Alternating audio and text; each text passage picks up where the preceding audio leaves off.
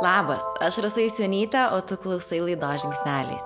Tikiu, kad tam, kad auktų mūsų verslas, kad sukurtume svajonių gyvenimus ir pasiektume svajonių tikslus, pirmą esame kviečiami ūktelti patys. Kažkam reikės išmokti prisimti daugiau atsakomybės, kažkam nebebėgti nuo savo baimių, o gal ir kelis nemalonius dalykus apie save pripažinti. Tačiau nors kartais ir kamuoja augimo skausmai, aukti gera, gero judėti pirmin ir gera leisti savo keistis. Apie drąsą tai daryti ir yra ši laida. O šiandien kalbinu Justiną Oro Olas įkūrėją. Anksčiau ji buvo užtikrinta niekada nepradėsinti savo verslo ir tikrai nevesinti renginių. Šiandien abu dalykai yra jos kasdienybė. Kodėl taip dažnai lūšta visi mūsų niekada?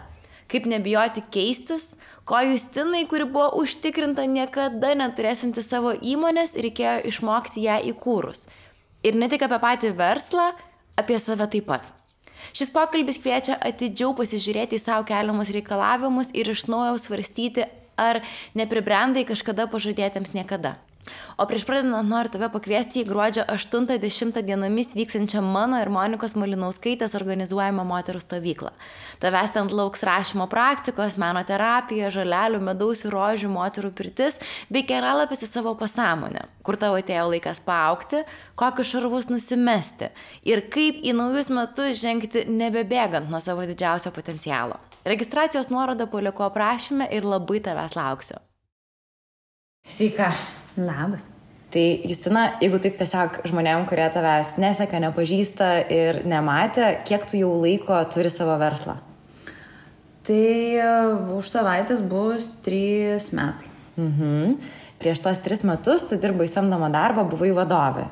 Prieš tris metus tai turėjau dar gerą pertrauką, beveik metų prieš šitam verslui atsirandant, o dar prieš tai beveik 12 metų dirbau rinkodaroje įvairiose pozicijose ir taip ir vadovė. Ir ar tu gali dabar taip pabandyti prisiminti arba įsivaizduoti, ką tuo metu tu galvojai, kaip atrodo verslo turėjimas, nu, žinai, ką verslininkė veikia visą dieną ir dabar po šitų trijų metų, na, kaip gal kažkokie mitai griuvo arba kažkokie tavo susikurti suvokimai, įsivaizdavimai, kaip tai atrodo. Pradėti reikia nuo to, kad aš visą laiką sakiau, kad jau aš tai jokio verslo neturėsiu. Visada būsiu samdoma darbuotoja, brangiai apmokama, tiek žinių. Ir galvodama apie šitą mūsų pokalbį, prisiminiau šitus dalykus ir galvojau, kad aš taip tada dariau. Iš mandrumo, nes galvojau, kad tai labai kietai yra apsispręsti, ko tu nori būti ir vat, važiuot e, savo kryptim ir vat, viskas, toks statement, žinai, būsiu taip, o ne kitaip. A, kita vertus. Ir niekada, tai... niekada nesikeisiu. niekada nesikeisiu. Kita vertus, tai buvo iš baimės, baimės prisimti atsakomybę, mhm.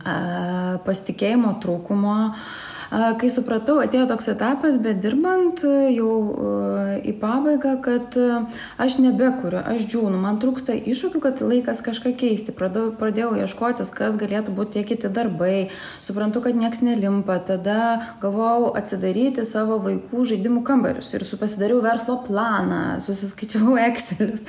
Hm, ne, čia verslo nebus, gerai, šito nedarysim. Nu, taip labai racionaliai pragalvotai, net jau pagalvojau tokią tikimybę daryti tą verslą. Tai, o tada supratau, kad, nu, nebus čia taip, darbai nesiklyjuoja, verslo idėja kažkokia neteina, nu, tai tada tiesiog gal reikia pailsėti.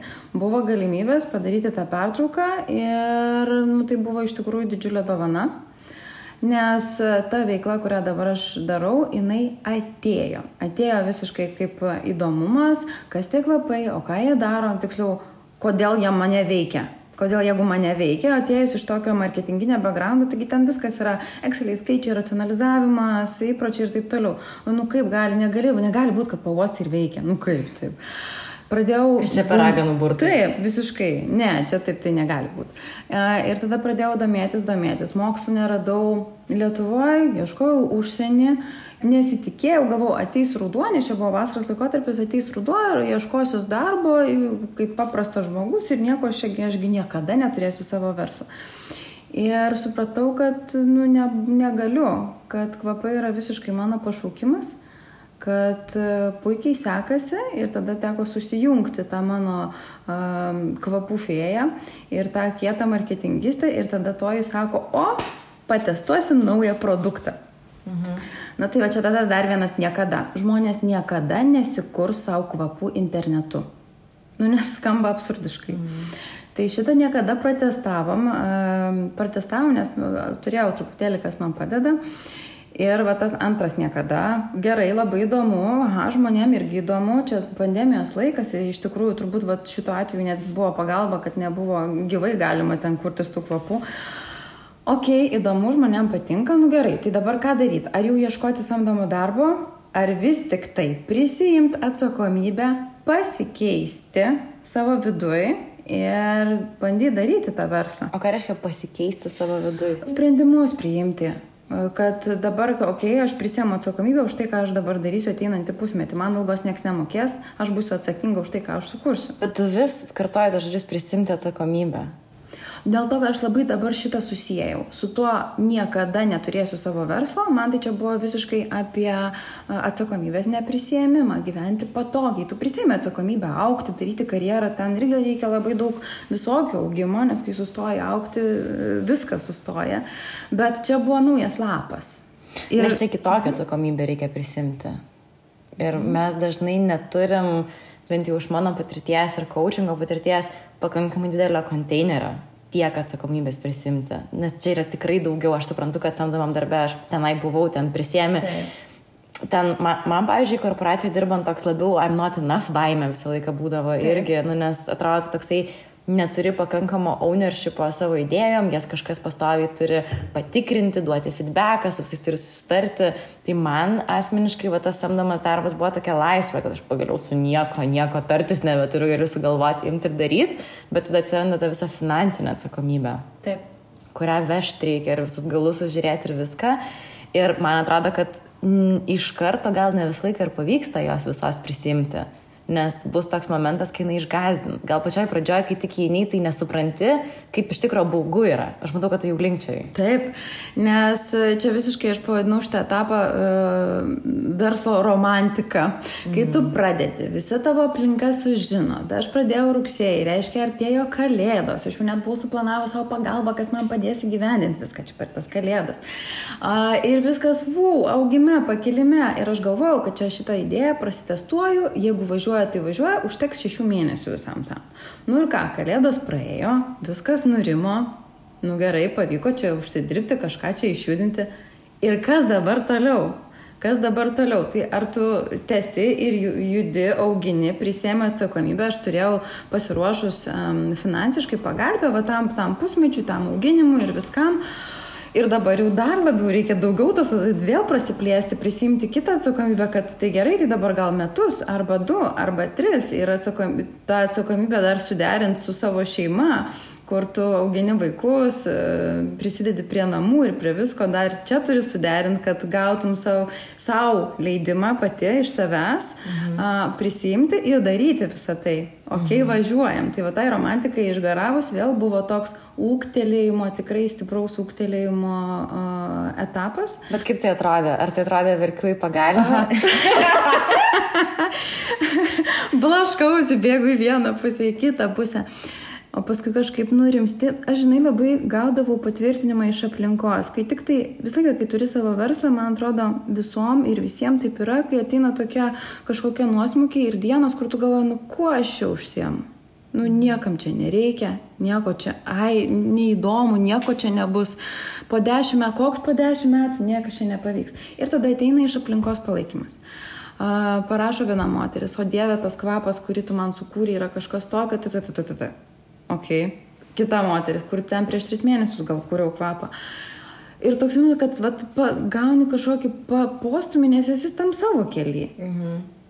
Mes um, su komanda esam pasidarę Sleko kanalą, nes Slekas tiesiog Taip. tokia, ten kaip Mirkas yra apie mhm. darbus susirašinėti, žodžiu, kad į Messengerį nereikėtų eiti. Ir turim kanalą šiandien kartą su šitą pasakoju jūs geriem atsiliepimam. Mhm atrodo, būtų toksai savimilos dalykas, nerinktis čia gerus atsiliepimus nu, apie save, bet aš irgi visas žinutės nusiskrinčiuotinu laikau vienoje vietoje, nes ateina va tų momentų, verkiu į pagalbę, blaškaus ir atrodo, Taip. ką aš čia darau, niekam nereikia nieko nesuprantu ir tada biški turi kaip padėti savo, atsidarai tą, tą kanalą ir tiesiog skaitai. Ir čia dar tas kitas dalykas, kaip svarbu yra parašyti kitiems žmonėms, kur gerai pagalvoji. Taip. Mm, darau visą laiką šitą. Mm. Net pardavėjai, jeigu labai gerai kažką padaro, tiesiog maksimum ar kažkur aš galiu pasakyti šitą komplimentą. Tai, mm. tai kaip atrodė tada, nu, vat, vis tiek aš noriu paklausyti apie tą atsakomybės prisėmimą, nes tas konteineris turi prasiplėsti. Čia labai mhm. dažnai tas pats kaip į džimą, kad eiti, nu, pradžioj sunku yra, nu, vat, yra kažkokių plato momentų, kur niekas pradeda nebeiti. Nu, beveik mhm. visi su to susiduria, kad pačioj pradžioje yra va ta romantika, kur Taip. ir draugų ratas nusiperka ir jisai kažkaip išsisėmė ir naujų klientų neatsiranda ir tada kas tame turėjo tavo viduje atsitikti, kad tu nemestum. Nes daug kas meta tikėjimas, ko gero, kad vis tik tai gali ir pasveri, tai ką tu dabar nori daryti, tu čia sukūrėjai, prekės ženklą sukūrėjai, užsipatentavai, klientų ratą pasiauginai, jau tu turi tą savo kūdikį ir ką tu dabar darai. Ar tu jį kažkur padedi ir palieki ir grįžti į kažkokias kitas senas vėžes, ar tu važiuoji toliau. Tai čia turbūt iš tos pusės vat, buvo didžiausias postumis, kad tęsti, ką pradėjai. Ir čia nėra taip, kad, nu, tu sakai, ten, dėl, dėl tos atsakomybės, ne? Čia nėra taip, kad ima ir atsidaro. Šitas, man atrodo, kaip ir raumenis treniruoja įsėdmens ant treniruoklio, taip ir tos atsakomybės, pinigų augimo, atsakomybių augimo, viskas eina kartu, tu visą tai treniruoji step by step. Pirmus, pirmus metu, metus ėjau labai with the flow. Uh, su tais niekada nedarysiu, niekada ne, ne kažką. Tai vienas iš jų buvo vis, iš vis verslo niekada nedarysiu, antras buvo niekada nevesiu renginių, mhm. kursiu asmeninius kvapus, bet jau tikrai nemerg vakarius, nes man merg vakariai atrodė, nu, toks jau toks lengvas, nieko čia nedvasingas, nu, ką tu ten papasakosi per tos mergvakarius, ar ten be gimtadienio vakarėlius dalykus, nu ir tikrai ne, ne, neužsimsiu. Tai arba klientai man parodo, ką man reikia daryti, ko jie nori, Arba tiesiog atrodo, kad likimas sudėlioja ir taip aš pravedžiau pirmą savo paskaitą, po dviejų mėnesių, kokių dviejų mėnesių, gal trijų savaičių jau mo muziejų vedžiau renginį apie kvapus. Uh, tada supratau, kad žmonės nori ne tik klausyti, bet ir patys kurtis tos kvapus. Dariausi bandomosius renginius, kaip vesti žmonės, kad jie patys gražiai galėtų savo susikurti. Bet, kas, bet ką paėmus, bet ką ir susikursi. Bet kaip tą padaryti, kad tai būtų išjausta, gražu, kvapnu, kad tai būtų patyrimas, ne tik tai kvapo susikūrimas. Ir taip atrodo, kad vat, viskas taip tu matyk būk atviras, va, pasidėk į šalį savo visus niekada, savo darysiu taip, įsivaizduoju taip, aš prekė ženklą sukūriau tam, kad galėčiau už jo pasislėpti. Mhm, aš nes, atsimenu, tai. Taip, marketingistai jie taip daro, nes mes esame užkulisiai, kaip e, profesionalai. Taip, mūsų darbas yra padaryti, kad veiktų, o e, ekranuose, viršeliuose visur yra kiti veidai.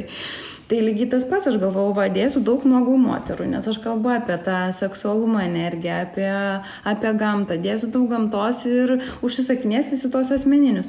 Nu ne, kol neparodai, su kuo žmogus turės reikalą, pas ką tu ateisi kurtis to asmeninio kvapo, kas su tavim bendraus.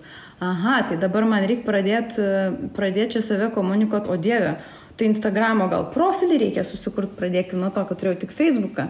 Mhm. Tai, nu, tai čia irgi tu apsisprendi, vėl priemi sprendimą ir atsakomybę išmokti naudotis to Facebook'u, nu, turiu meni, nu, nenaudotis kaip nu, mygtukus pat, bet kurti kokybišką turinį. Mhm. Ir aš dar turbūt pertrauksiu daugeliu žmonių, kurie nori kurti savo verslą, čia yra pats siaubingiausias dalykas, kad gal ateis um, diena, kai save reikės rodyti. Ir kaip komunikuoti, nes čia yra būti pamatytai. Taip niekada, čia va irgi tas atsakomybės biški momentas, kur kai tu dirbi darbą, tu nebūni tiek pamatyta, o čia staiga, uh mhm. -huh. turi labai gerą mintį šitoje vietoje. Pasidaro nebebaisu ir nebesvarbu dėl dviejų dalykų. Pirma, kad tai, ką tu transliuoji, yra svarbiau už tavo ego. Man yra daug svarbiau, kaip aš sakiau, mano misija yra uh, išmokyti žmonės, uh, įgalinti savo uoslę ir per kvapus keisti savo emocijas ir būsenas. Man tai yra svarbiau, negu kam apie man, pagalvos apie mano šukuoseną ar balsą video formate. Tai čia vienas dalykas, kas labai padarė tokį tikrai pokytį e, viduje, kad nėra tai baisu filmuotis, net, net jeigu video netobulas, vis tiek dėdinės svarbiau, ką tu tam pasakėjai. Mm. E, ir kita vieta, kad kiekvienam žmogui svarbus jisai yra pats savo, o ne tu. Ir žinai, tu parinėsi ten dėl blakstienos, kur žiūri nei į kairę, į dešinę ir gal jau čia nebedėti to vidiko. Tai aišku, kad praėjau šitą etapą, kur ten 30 minučių filmuoji 2 sekundžių istoriją. Mm. praėjau šitą etapą, paskui atėjo suvokimas, kad palauk, taigi kaip tik, tik visi apie save galvoja iš tikrųjų, o ne apie tai, ar tu tikrai čia šiandien pasidažiai ir ar taip susišukavai plaukus. Mm. Tai va čia du Ir tokie turbūt šita dalykai. trečia mintis yra, kad um, pagauti save. Aš, pavyzdžiui, šitą tikrai nuoširdžiai neturiu. Aš barį labai labai daug, kai buvau apie tai galvojau, kad um, aš labai neteisiu žmonių. Na, pavyzdžiui, aš kai žiūriu stories, man nėra taip, kad o šitą negražiai atrodo, o šitą čia susivėlus. Ir aš pastebėjau iš savo kitų pažįstamų moterų, kad yra tas momentas, kad tu, o čia šitą biški priaugo svorio, o čia šitą vat, plaukai ten tipo jau ataugo, nueiti į kirpyklą. Ir man tada atrodo, kad jeigu tu esi nuo ryto Instagrame, Ir esi, vat, galbūt išsiugdėjai šitą iš mamos su kaiminė draugė. Gal jos taip darydavo prie taip. kavutės ten Jakob Žalio susisėdusios. Ir tai yra taip įprotis. Nu, kaip įprotis gali būti geras ir blogas. Ir pikint ant kitų žmonių, ieškoti minusų. Tai tada, kai tu nukreipi kamerą į save, tai tavo šitas raumuo yra taip išmankštintas, tau atrodo, kad visi kiti taip daro. Bet ne, ne visas pasaulis taip veikia. Yra labai daug žmonių, kurie žiūrės į tavo storius ir kaip tik ieškos, ką tu ten gražaus sakai. Taip. Ir, vat, kai, ir, ir man atrodo, kad čia yra toks, aš nežinau, geresnio pavyzdžio, kur prasideda nuo savęs darbas. Taip. Nebeteis kitų ir nebebijosi, kad tave taip teis. Geriau paieškok meilės kitose, kur gražu ir kur gera. Ir nu, vat, daug lengviau pasidaro būti uh, social media. Bent jau man taip, taip atrodo. Mhm. Ir kitas dalykas e, - norėjimas visų klientų. Na, mes kalbam apie tą profesionalų profilį, taip, ne kaip as- as- asmeninį. Tu nori visų klientų, tu nori visiems patikti, nes tu dar nežinai, kas tu esi. Kaip verslas, kaip vienetas, kaip profesijos atstovas, nu žodžiu, tu dar nežinai ir tu nori visiems patikti. Ir va tas irgi labai tu uždedi savo didžiulę naštą, nes nori įtikti, patikti visiems, kad visi pirktų. Po to supranti, kad tavo klientas yra tas, kuris e, yra tam tikro profilio, kad jam tinka nešukuoti plaukai. Aha, fainai makiažo. Ne, nes jie yra arčiau gamtos, jam jie patys tokie vaikšto. Ir ar, ten viena pagalvojo, ten dvi nepagalvojo, kad tu šiandien priaugus svorio, ar ne, neišsimiegojus, ar ten ištinus, nes tau pamesas. Tai man atrodo, šitie dalykai toks irgi yra didžiulis uh, šiftas. Pirmas, kad iškeli tai, ką tu transliuoji, kad yra svarbiau už tave pačią, už tavo ego. Nu, nes kas čia? Apie ką apie mane pagalvos, tai čia apie ego. Nu, man atrodo taip. Bet man apskritai toksai šiaip buvimas Instagram'e yra labai geras psichoterapinis įrankis. Aš nebeatsimenu dabar, kaip tai vadinasi, aš galiu ten terapeutės pasiklausti, mes kažkada kalbėjom, kad, nu, bet yra tam tikri dalykai, kurių tu labai bijai ir jie gali tave uždaryti tokį vidinį kalėjimą. Nu, iš to irgi gali ateiti, kad, vad, niekada. Ir, nu, aš, pavyzdžiui, kažkada buvo etapas, kai labai stipriai gėdėjausi savo kūno. Nu, aš tikrai turėjau labai neišspręstų gilių žaizdų su kūnu. Ir mano buvo toks atsakymas į tai eiti eksperimentiniu keliu, nu tai kas blogiausio galėtų, tai kas man kas nors nuogą pamatytų. Taip. Tai aš pradėjau dėti savo visokias tikrai, nu, gražiai nufotkintas, bet nuogos nuotraukas ežere. Nu, kur ten nesimato, žinai, nei spenelių, nei nieko, nu, nesugriuvo pasaulis. Mhm. Ir, ir va tokiais kažkokiais eksperimentais, kad tu atrodo pats jaubingiausias dalykas, kas galėtų tik nusifilmuočiau stories be make-upo, įdedi savo tas stories be make-upo, nu čia kaip pavyzdį sakau, ir tada pasirodo nieko neatsitinka. neatsitinka. Ir tada, tas, ir tada tu pradedi turėti argumentų tam vidinio kritiko balsui, kuris sako, tu nedrįsk taip daryti, nes tada bus tas ir tas. Ir tada gali sakyti, nebus. Nu, Taip, arba, o, pažiūrim. Nu, nu ką, bus arba taip, arba taip. Jo, labai dažnai naudoju, o kas blogiausio gali atsitikti. Čia dar ir prieš, prieš verslo kūrimą irgi kažko nori, nu gerai, tai reikia paprašyti. Bet labai baisu, o kas blogiausio atsitiks? Mm, negausi to, ko paprašai ir, nu tai tada pati nusipirksiu. A, nu gerai, prašau. Nu, tada tokia, žinai, mhm. bet tas nueini su scenarijumi iki pat to blogiausio varianto ir ta, jeigu tas blogiausias variantas nekenkia tavo sveikatai, tiesiogiai, tai manau, kad gali daryti. Tai va šitokių pokalbių irgi, jų yra nemažai ir dabar ir jie tęsiasi ir ne tik tai per pirmus metus. Yra dar kitas labai geras klausimas, bet dar pirmą pakomentuosiu tą, kas blogiausia gali atsitikti. Tai čia šiaip yra nu, labai coachingo įrankis ir už jo dažniausiai, tai įsivaizduok savo ten patį patį tobuliausią. Aš tai labai dažnai su klientais, kurie tik ateina pirmam sesijom darau nu, ten super, super, kaip gerai tau gali sektis, kas blogiausia gali atsitikti. Ir žmonėm ateina keiščiausi momentai. Vienai moteriai atrodo, kad jeigu jinai tikrai pradės dirbti, Taip. už to yra, kad jinai matė savo mamą beprotiškai persidirbančią visą laiką. Mhm. Ir kas atsitiktų, jei ateis kažkokios lygos. Taip.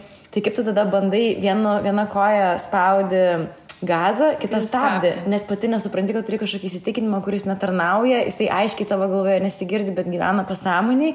Ir čia labai, jeigu bandai kažką daryti, bet tave kažkur stabdo, tai gerai yra nusipiešti tą patį patį tobuliausią paveikslą, paklausti, kas blogiausio gali atsitikti ir pamatyti, kokius netarnaujančius įsitikinimus tu turi. Ir kitas dalykas, kur man, pavyzdžiui, asmeniškai aš esu atradusi, kai labai sunku kas nors būna, nu, vat, užgazuoja tas vidinio kritiko balsas ir pradeda pasakot. Nu, pavyzdžiui, man dabar atrodo, kad vat, pasileisiu ten kažką naujo, šitą podcastą, pavyzdžiui, ir niekam bus neįdomu, niekas neklausys. Nu, prabunda toks labai ryškus balsas ir aš tada vis tiek kažkokį savyje savo susirandu, atsisėdu ir klausiu, ar tai tikrai tiesa. Duok man kažkokių įrodymų, kad tai tikrai tiesa. Ir dažniausiai nebeturi tas balsas jokių argumentų. Nes jeigu jau racionaliai pradedi ieškoti, ar tai tikrai tiesa, nu netiesa. Tai to klausimo savęs, nu labai, ten net jeigu, pavyzdžiui, dirbi samdomam darbė ir reikia pasikelti atlyginimą, ai, bet man nekels. Nors tai tiesa. Aha, taip, taip, taip. Mm, tai va. Tai čia toks verslė, ne verslė, nu tas nuolatinis augimas, jisai be, visur ir kiekvieną kartą praėjęs vieną, va tokį, va vieną klausimą savo išsisprendi ir tu jau paaugi. Vieną klausimą išsisprendi ir tu jau paaugi. Taip, ir dar su verslu, nu, dar gal yra tas momentas, kad, pavyzdžiui, kaip manai, ar tavo vertybė yra augimas. Vienareikšmiškai. Nu, visi žmonės taip atsakytų, ne, mano irgi labai stipriai yra augimas. Bet, bet jis nebūtinai, į- nebūtinai, kad ten mano verslas turi užaukti penkis kartus per metus, ne apie šitą augimą. Mhm. Kad tiesiog, jeigu kažkas atsidūrė stagnacijai, viskas nebetinka. Mhm. Turi keisti, o ką reiškia keisti? Tai reiškia aukti ten, kur tu vėl nežinai kažkur. Kažko. Tavo klientas pasikeitė. Tiko, tiko jiems tie vat, kvapų kūrimas, o dabar jie gal nori kvepalų, kad tu kvepalus jiems kurtum. Nu. Ir Arba ką? darbą, kuris vestum. Nu, arba kuris vestum. Taip, moteris stovyklas ir ratus. Mhm. Taip. Ir čia toks kitas momentas yra, kad mes lyg ir norim pradėti verslą ir kad viskas būtų gerai. Mhm. O tai ką reiškia tas viskas būtų gerai? Kad būtų super ramu, tiesiog ateitų pinigai ir nebūtų jokių challenge, bet challenge nėra augimas. Nu, Jeigu jų nėra, tai nėra augimo. Tai vadinasi, nėra tai, ko tu nori. Čia nori kontroliuoti visą laiką viską. Ir va turbūt, kur man sunkiausia ir buvo, nu, ir dabar vis dar yra, tai kad tu ne viską kontroliuoji. Kad ne viską, kad ir kaip tu ten suplanuoji. nieko beveik. Nu, Taip, aš suprantu, bet įspūdis, kad kontroliuoji, žinai, jeigu vadovauju komandai, tai vis tiek mat, jauti procesus, kad čia gali kažką, e, kažkaip kažkokiu būdu suvaldyti, o su to verslu atrodo, kad tu nieko nekontroliuoji. Atrodo, o jau supratau, kaip veikia ir op, pat ir vėl. Čia kaip su kūdikiais. Supra, kaip su pirmą kūdikį augini, o jau suprantu, kaip jį užmygdyti, o jis, o per kitą dieną taip nebeužmiega ir mokaisi iš naujo. Tai ir apsiverkia jaučiu kartu. O ten. Dieve, ten visai ir apsiverkė, ir ne tik apsiverkė, ten Mhm. bet ką. Tai man atrodo, kad čia su verslu e, lygiai tas pats yra. O tu su motinystė leisdavai savo sulūšti ir sakyt, kad, uh, nu, va, su tais babiais, nes tu du turi. Mhm. Ir du kartus praėjai per tą, kur nebeužmiega ten taip pat. Tai ir buvo tokių momentų, nu, kur tiesiog atrodo, nebežinau, ką daryti, nebemoku, nebeturiu įrankių, gal aš ten, nežinau, gal aš bloga mama. Su dukra vyresnėje tai praktiškai nuolat, nes tiesiog neįsiv... ne, nu, tu nežinai, tai ne pirmą kartą tą kelią. Čia turbūt kaip ir pirmą verslą darant, kai darysi antrą bus e, lengviau, nes žinosi, kad, ai, dabar nieko nesuprantu ir viskas krenta, čia tas etapas. Ok, nu tai pažiūrim, kaip aš jį galiu išgyventi. Tai su antru vaiku jau, su tikru antru vaiku, taip ir buvo, kad, o, mažiukas, 11 vakaro verki, mhm, dantukai, nu nieko, nu žiūrėk, dar valandėlę, dvi ir praeis. O kaip prieš tai ėjau iš proto, nes aš nesuprantu šito proceso. Mm. O tai kaip tau atrodo, tris metus jau darant savo verslą, yra to panašumo tokio, kad reikia leisti savo sulūšti ir pripažinti, kad aš tikrai dabar nežinau, kodėl tam verslui dantis dyksta ir ką dabar daryti. Mhm. Kad kaž, kažkokios grožis yra tam sulūžime. Taip. Nes mes labai, aš matau, kad moteris ir aš pati, nu, mes labai bandom būti stiprios, kad neduok dievę, kažko dabar nežinosim. Taip.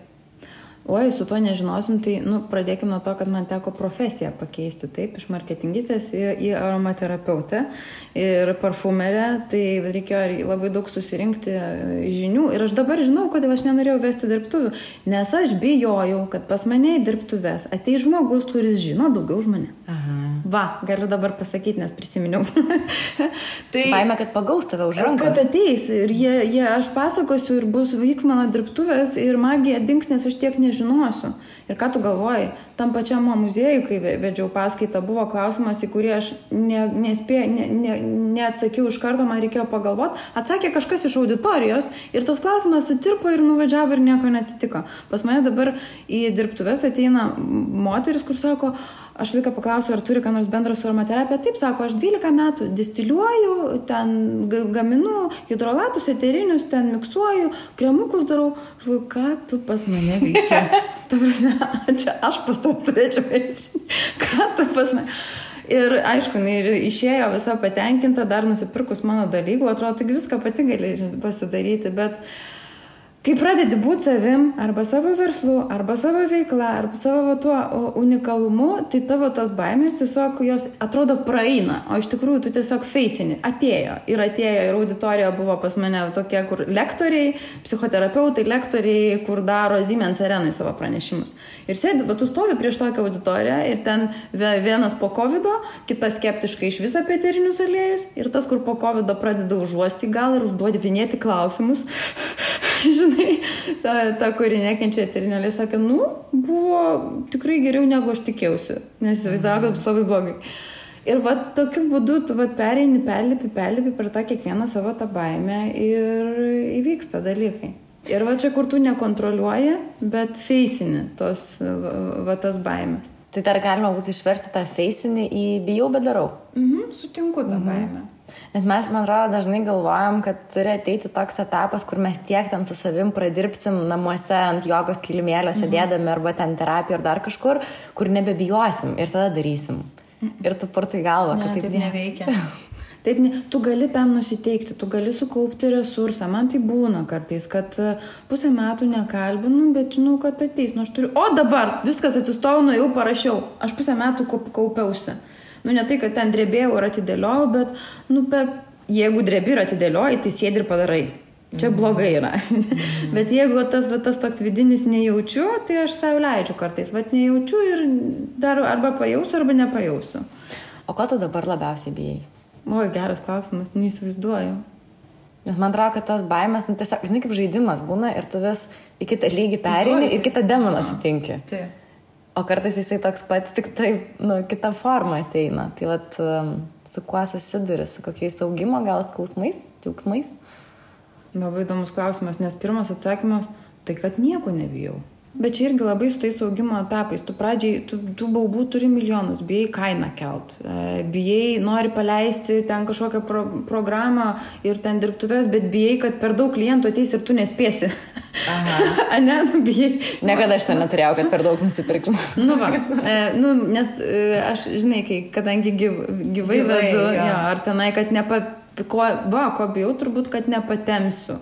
Mhm. Ten, žinai, jeigu bus va dabar ateidinė tas kalėdų laikotarpis, tikrai ten ir, ir team buildingam, ir um, kalėdiniam pasibuvimam ir tada, aha, o jeigu nepatemsiu. Bet šitas jau irgi man nebe tai baisu, nes jau patemsiu, nes esu nebe viena. O kiek dabar jūsų yra?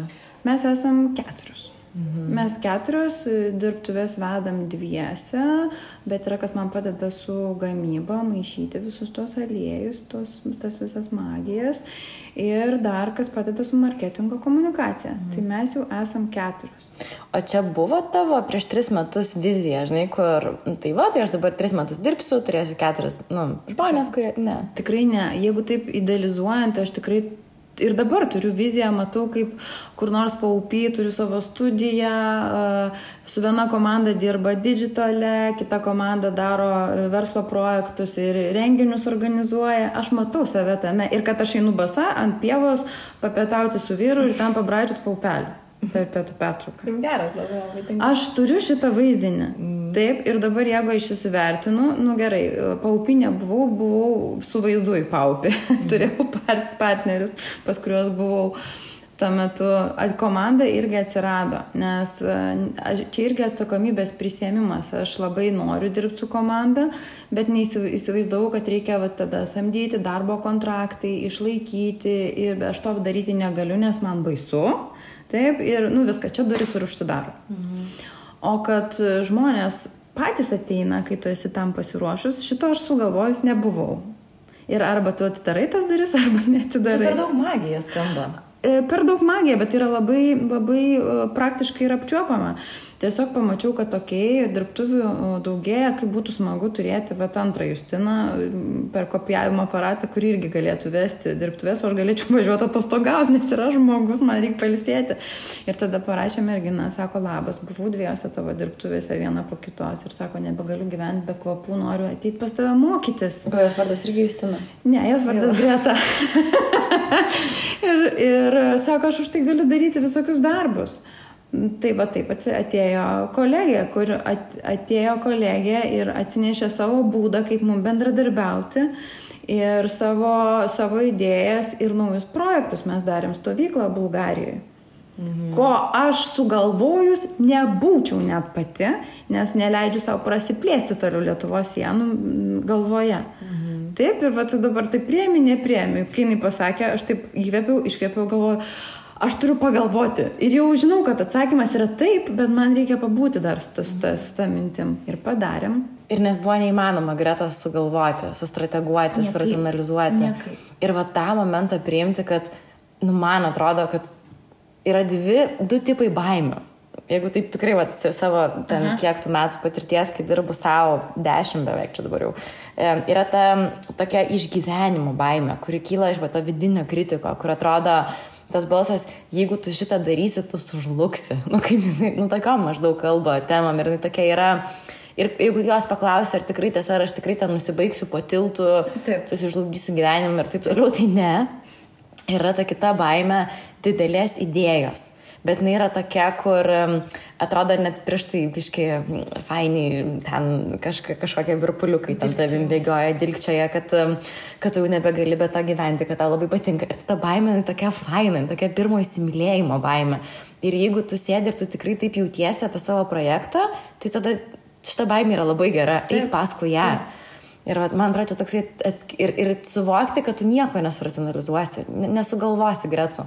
Nesugalvosi. Ne, nesugalvosi. Ne. Ir stovyklų irgi. Tai, mm. Nu, sugalvot sugalvosi, bet, nu, kai kur kai reikia, vat, ta, vat, kur tu paleidi kontrolę ir tu nesukontroliuoji, kad sugalvojau, padariau, įvyko, sugalvojau, padariau. Į...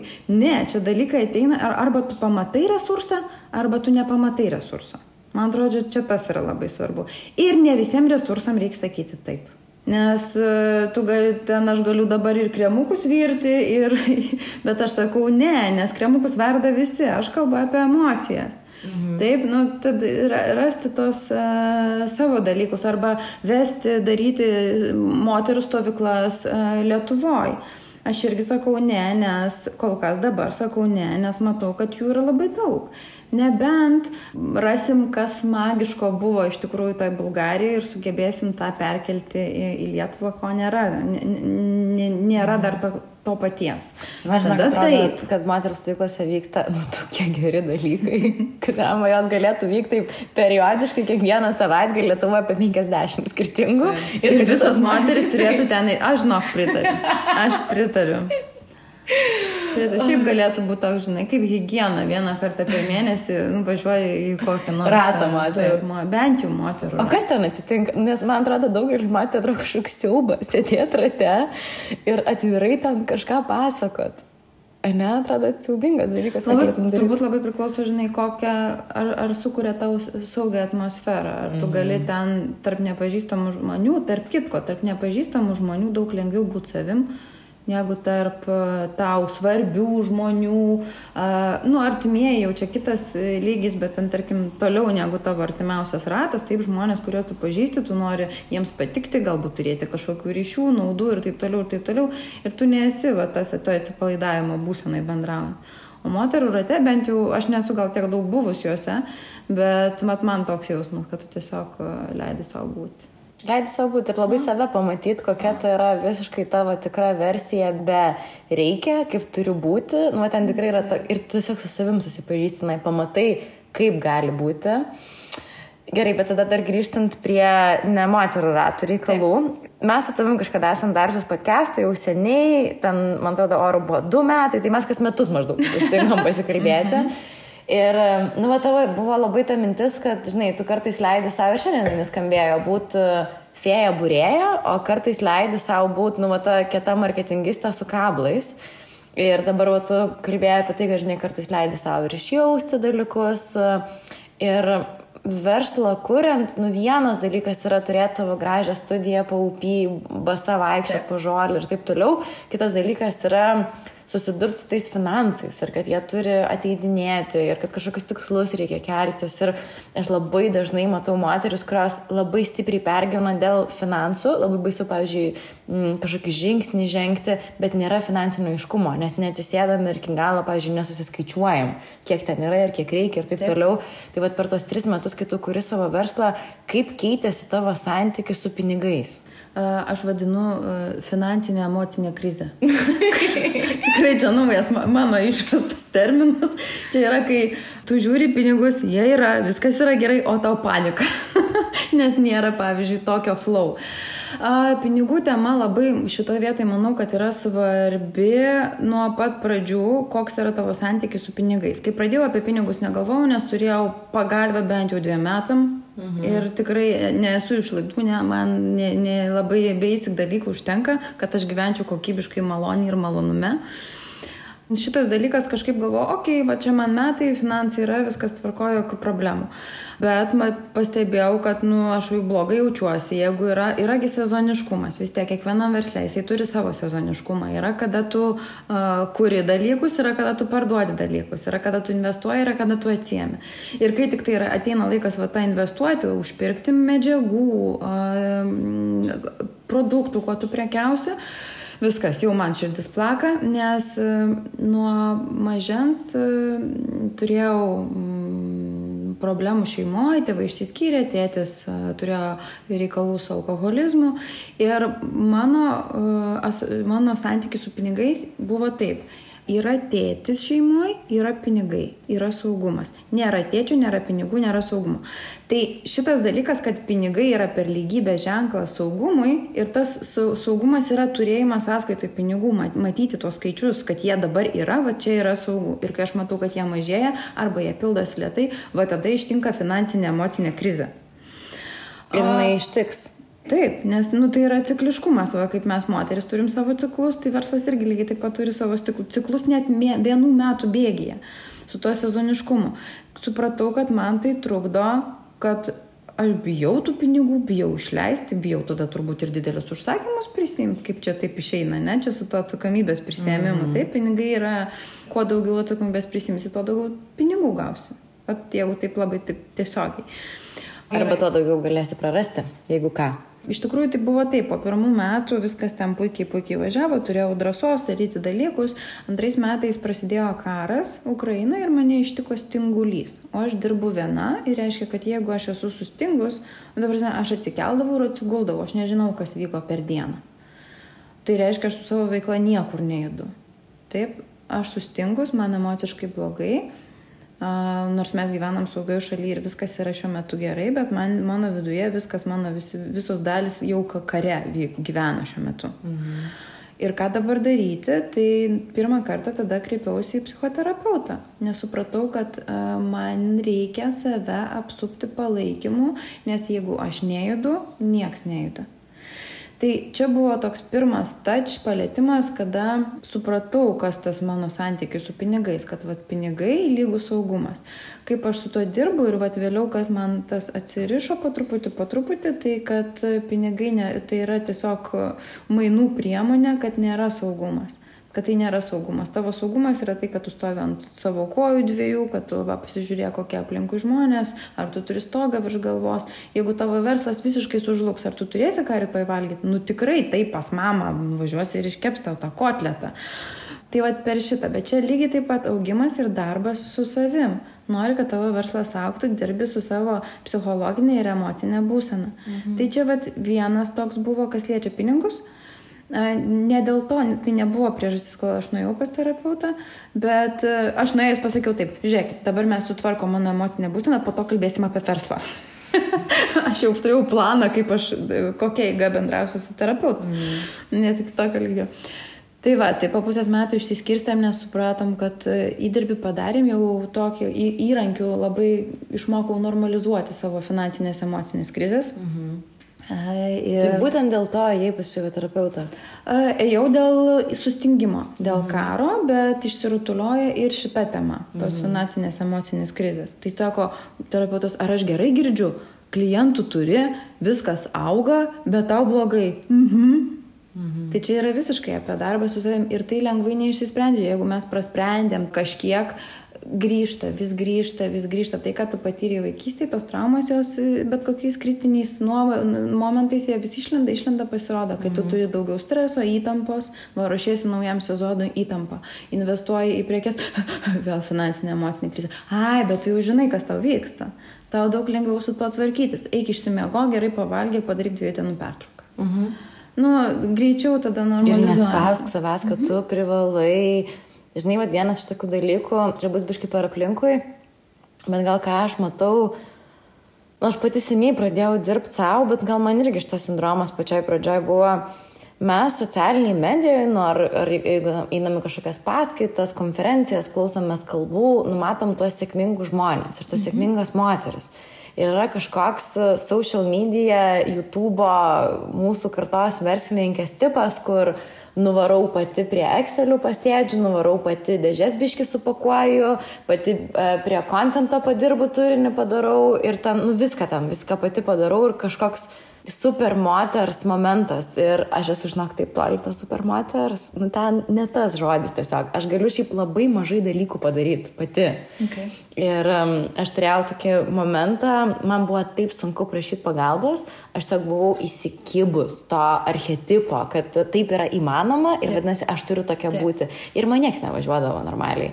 Ir vat, kur atėjo momentas, kai aš supratau, kad gerai, man reikia pradėti ieškoti pagalbos, nes tik idiotai yra žmonės žemėje, kurie daro tą patį dalyką all over again ir tikisi kito outcome, rezultato. kito rezultato. Mhm. Jo. Ir aš kaip supratau, kad aš porą metų va, tuo tokiu ratu vaikštų, esu šitam labirinte ir vis nusiviliu savim, vis save užplaku, bet aš gal neplakt save labiau turiu, o pažinti save labiau turiu. Pagauti tos momentus, kad, mm -hmm. o, jau aš čia voverė bėgu rate. Jo, ir ta, vat, man, bet man raktinis žodis buvo pažinti save. Vat, tokia akistata su savim stot gerai rasa, kokius dalykus tu gali daryti pakrauna energijos labai gerai sekasi, kurie yra tavo tokie energijos išsuktukai, nu, kur nu, nuteka visa energija. Ir mano sąrašas šiaip, ką aš galiu daryti ir ko aš negaliu daryti, ko negaliu daryti, buvo daug ilgesnis. Ir buvo taip sunku tą realybę pripažinti, kad aš nesu ta mergina, kad aš mhm. galiu kur turinį, kad aš galiu šiaip daryti marketingą, bet ne meta atsus ten pati taip. leistis E, kad man marketingo dalis, kur yra va, tas Excel lentelės, trackingai yra neįdomu, aš tikrai galiu kurti turinį ir aš esu kurieja, aš galiu kurti produktus. Taip. O man reikia žmogaus, kuris būtų projektų vadovas, man reikia kas finansus žiūrėtų, man reikia kas strategiją padarytų, racionaliai galvotų, nu, labai labai daug tų dalykų. Ir um, labai sunku savo šitą buvo pripažinti. Labai ilgas mhm. kelias iki to buvo. Ir prašyti pagalbos. Ir aš suprantu, kad šitas taip dažnai skamba, bet aš turėjau tokį momentą, kur va čia prieš porą mėnesių nustojau prašyti pagalbos ir man ir atėjau į treniruotę, bet nustojau prašyti pagalbos visur. Taip. O ten toksai mažas sporto klubiukas, tokia trenerė, ten vis, jie visi realiai tokia biški viena hebra, kas seniai lanko, ten baidarėm žygius kartu varo. Ne, ne sporto salė, kur niekas su nieko nesisveikina ir visi visus nužiūrinėja. Ir aš atvarau ir ten niekas manęs nepažįsta Ir man taip gėda pasakyti, kad man išsikrauna telefonas, man liko vienas procentas, ta vieta yra labai toli nuo mano namų, aš Vilniui nepažįstu autobusų, nu, taip, nu, tų taip, kelių visų. Jo, aš sak nežinosiu, kaip grįžti.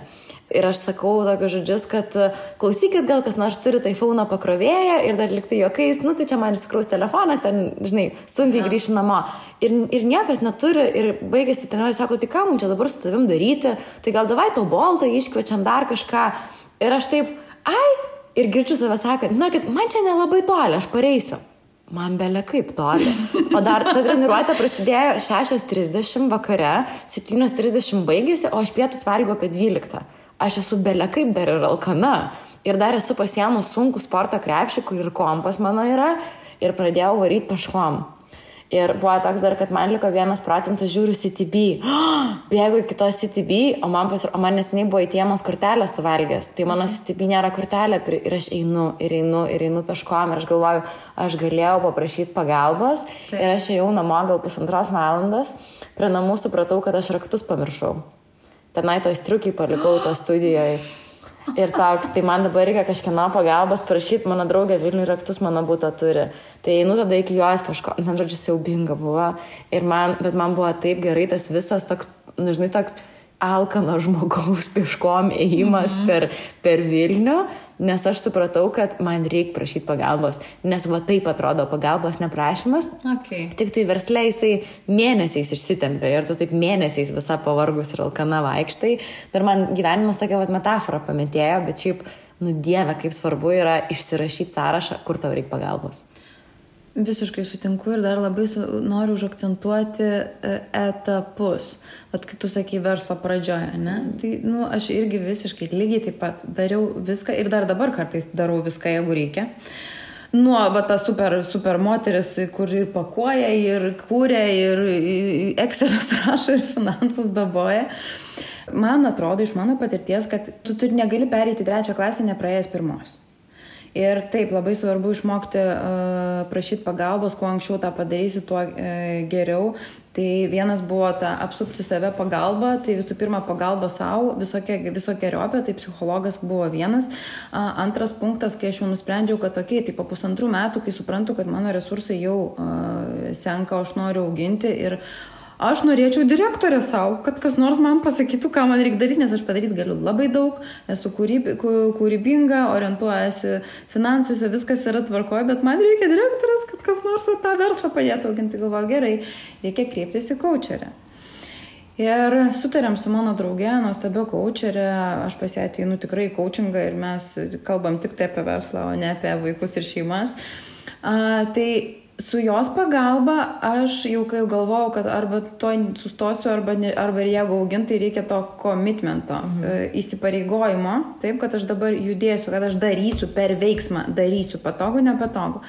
Ir tas labai puikiai suveikia. Ir dar metus kokius, sakiau jau jai, kad aš noriu, kad tas čia būtų ne tik tai kioskelis, perkeltinė prasme, ne amatas, o virstų į verslą. Kioskelis amatininkystės turbūt. Tai vad kiek tu pajėgi, tiek yra tavo lubos. Taip, mhm. jeigu tu nori aukti, tu turi pradėti verslauti, galvoti kitaip, kokie tavo produktai ir visa kita. Tada aš nuėjus pirmą kartą pas ją, apsiverkiau, nes aš supratau, kad aš taip, aš atėjau pasakyti, kad aš prisėmu tą atsakomybę, noriu aukti ir dabar, kad tu man padėtum. Ir aš liumbiu, nes aš suprantu, kaip tai yra baisu ir kaip tai yra, koks tai yra man asmeniškai didžiulis žingsnis kad aš prisėmu tą atsakomybę aukti. Bet tik tai po metų laiko, uh, prieš naujus metus atėjau susiplanavus visus savo likusius metus, ketvirčiai su didelė Excel lentelė atsisėdau, atsilašiau uh, kėdė ir sakau, nu žiūrėk, tai aš įsivaizduoju taip. Va taip, va taip, va taip, va taip, čia ta, ta, ta, ta, suma dvigubai didesnė negu pernai. Va taip. Jinai mane žiūri, o, sako, dabar aš matau, kad tu esi uh, pasiryžus auginti verslą. Uh mhm. -huh. Ir tas neteina per naktį. Viena yra visą laiką aukti žingsneliais ir e, dirbti su savim, su, su verslu, etapais, taikytis prie klientų, matyti, ko, kokius ženklus tau rodo, to, kad tavo klientas yra tavo visiškas atspindys tavo veiklos. Ateina, ne, kodėl, ne, kodėl ateina, neteina, kodėl neteina. Mm. Taip, bet tu negali irgi prašokti, tu turi u, užaukti, užaukti, užaukti, užaukti. Ir aš va dabar jau užaugus, iki, nežinau, kilinta čia dabar, gal dvi su pusę klasė, kur galiu jau atsitraukti, galvo pradedu ir dabar va, turiu tokį jausmą, neturiu dar racionalizavus, kad kažką turiu paleisti iš to, ką aš darau, kad atsirastų vietos augimui. Mhm. Norėčiau dar kelių gretų, kad mano dirbtuvės galbūt vyktų be manęs arba su manim per kitų rankas. Galbūt mhm. taip tiksliau būtų man atrodo, negali šo, šoliuoti, turi aukti taip pat nuolat, nuolat, nuolat ir tik atėjus iki savo, kad vat užaugau ir išmokau prašyti pagalbos. Delegavau kažką. Mhm. Ir ne užduoti, o veiklos dalį. Jeigu nori, kad tavo verslas auktų, tu turi deleguoti ne užduotis, o veiklos dalis. Mhm. Tas irgi labai svarbu kažkam atiduoti sritį. Ir paleisti tikėjimą, kad tu viską turi padaryti pati. Taip. Nes, man atrodo, augime yra tokių momentų, nu, gal tau irgi tai buvo, kur tu realiai atsisėdi, visiems išdalinai užduotis, išdelegavai dalykus ir tau, nu, nebėra tų rankinių darbų, kuriuos buvai pradžioj pripratus daryti, tas niekas, tu nebesi busy. Taip. Ir tada lieka, aha, galvot naujus produktus, strateguot naujus dalykus. Ir tada suvokti, kad, nu taip, tu sumoki žmonėm algas, bet jie turi dirbti. Ir tada ateina tokia kaltė ir baime, o gal tu iš tikrųjų nieko nedarai. Nes kol rankos buvo pilnos darbų ir galva ten sukosi tose įnamuose reikaluose, atrodė, kad tu kažką gerai darai, nes tu dirbi daug. O kai yra toks momentas, kai tu iš tikrųjų, nu, turi daug, nes mes pradedam verslą, nes mes norim laisvės. Beveik kiekvienas žmogus tai pasakys. Taip. Ir kai tu iš tikrųjų jau po, pavyzdžiui, nu, man maždaug metus su pusė užtruko gauti tą laisvę savo versle, tada būna toks, nu, taip, aš šiandien turiu keturias laisvas ryte valandas, galiu daryti, ką noriu. Ir tada atrodo, kad šūdas. Kaip blogai. Gal to įsugrius viskas. Aš Bet po to praeina. Aš dar neužaugau iki to. Mhm. Aš vis dar... Turi aš turiu vaikų, aš turiu šeimą, kai, nu, kai tu pasakė apie tą supermoterį, man taip norėsi, taip žinai, akis nuleisti, nes aš tikrai jaučiuosi tą supermoteris, kai aš ir pas kaučerę, kai nueinu, verslo kaučerę, kai nueinu, papasakoju, ką nuveikiau, ką planuoju veikti, galvoju, o Dieve, kaip tu jūs ten nereali varai. Mhm. Viskas auga, viskas klesti, ką suplanavai, tas viskas įvyksta, nu, ta prasme, įvyksta, padarai. Mhm. Uh, ir tokių, žinai, va, reikia, kur pati save įkvėptum, bet tam reikia kito žmogaus, kad galėtum pačiai savo save parodyti. Tarp kitko, labai dažnai šiaip lietuviškam uh, verslė ir mentalitete, kai tu esi savininkas, tai va, tu nori aukti, reiškia, reikia daryti dalykus, bet negali atsitraukti, nes turi ten tų vis dar kasdienių darbų. Mhm. Tai čia, man atrodo, jau yra verslo valdymo išsilavinimas. Ir arba ta, tu prisijėmi įsipareigojimą e, ugdyti save šitoj srityje, arba neprisijėmi ir taip kapanojasi, arba pradedi mokytis, kaip yra auginami verslai. Jo, nes kapanotis šiaip nėra faina. Atrodo, kažkaip lengviau kartais, aš save atsimenu, ten Taip, šiek mes galvot nereikia, nes darai tą, ką jau tu išmok. Challenging savęs nereikia, jo. O kaip tas skamba teiginys, kad atsakomybė yra laisvė? Man labai padėjo šitas teiginys, nes aš žinau, kad aš ėjau verslą, nes aš noriu laisvės, aš noriu absoliučiai galėti planuoti savo dieną, aš jau noriu labai mažai dirbti, man, mano mhm. toks tikslas yra, aš noriu daug pinigų turėti, man patinka rytais, kai visi dirba vaikščiot prie ežero basai ir tam taip toliau. Nu, man patinka šitas saldus gyvenimas. Ir e, atsakomybę prisimti yra sunku. Ir sunku yra ypatingai tada, kai prasideda didelės sumos, kai supranti, kad verslui gali būti ir gerai, ir blogai. Ir tada toksai atrodo, man, pažiūrėjau, buvo vienu metu etapas, aš tam podcast'e dalinausi, kai buvo toks um, sunkiau finansiškai ir aš supratau, kad atsakomybė, žinai, faina kaip faina. Taip. Faina, kai viskas auga. Kai viskas labai sudėtinga būna, tai man norėjosi viską mesti, viską išsitrinti, Instagramą išsitrinti, viską, kad tik nebebūtų atsakomybės, kad nebebūtų nerimo, kad nebebūtų streso, kad nebebūtų visų šitų baubų kurie tave persekioja. Ir sėdėjau vieną kartą prie jūros, žiūrėjau, kaip leidžiasi saulė ir taip atėjo tokia mintis, bet atsakomybė yra laisvė.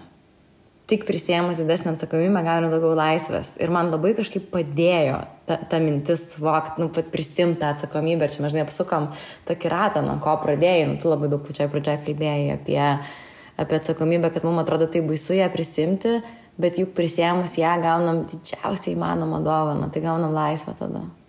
Mhm. Man atrodo, kad tu viską pasakai labai, labai gražiai e, apibendrinai. Mhm. Tai ką mes, nors tai skamba kontroversiškai, atsakomybė ir laisvė, jie viens kitam atrodo priešingos prigimties uh, žodžiai ir energija. Bet taip, tu netgi įgauni laisvės, kad ir kokiam tu ar darbe, ar šeimoje, kuri iš tikrųjų tau yra ne tavo šeima, prisėmai atsakomybę keisti, prisėmai atsakomybę aukti, tu įgauni laisvę kurti savo gyvenimą. Mhm. Tai čia visiškai, tu vadinki kaip nori, arba laisvė rinktis, laisvė daryti, laisvė atsisakyti, laisvė pasakyti ne, arba mm, atsakomybė už savo gyvenimą. Mhm. Ir kad tu jį tikrai kuri, nu man irgi tai labai saldu. Tai ką, tai ta gaida, saldžia. Ačiū tau labai už pokalbį ir susitinkam po metų. Gerai, tinka. Aš šiaip įdėsiu nuorodą į pokalbį prieš metus, kam bus įdomu ir pačiam gal bus įdomu pasiklausyti. Tai bus galima šitą perklausius grįžti atgal laiku ir dar to pasiklausyti ir pasižiūrėti, kaip tu pasikeitai, gal kažkam norės pasilyginti. Geras, tai pati paklausysiu.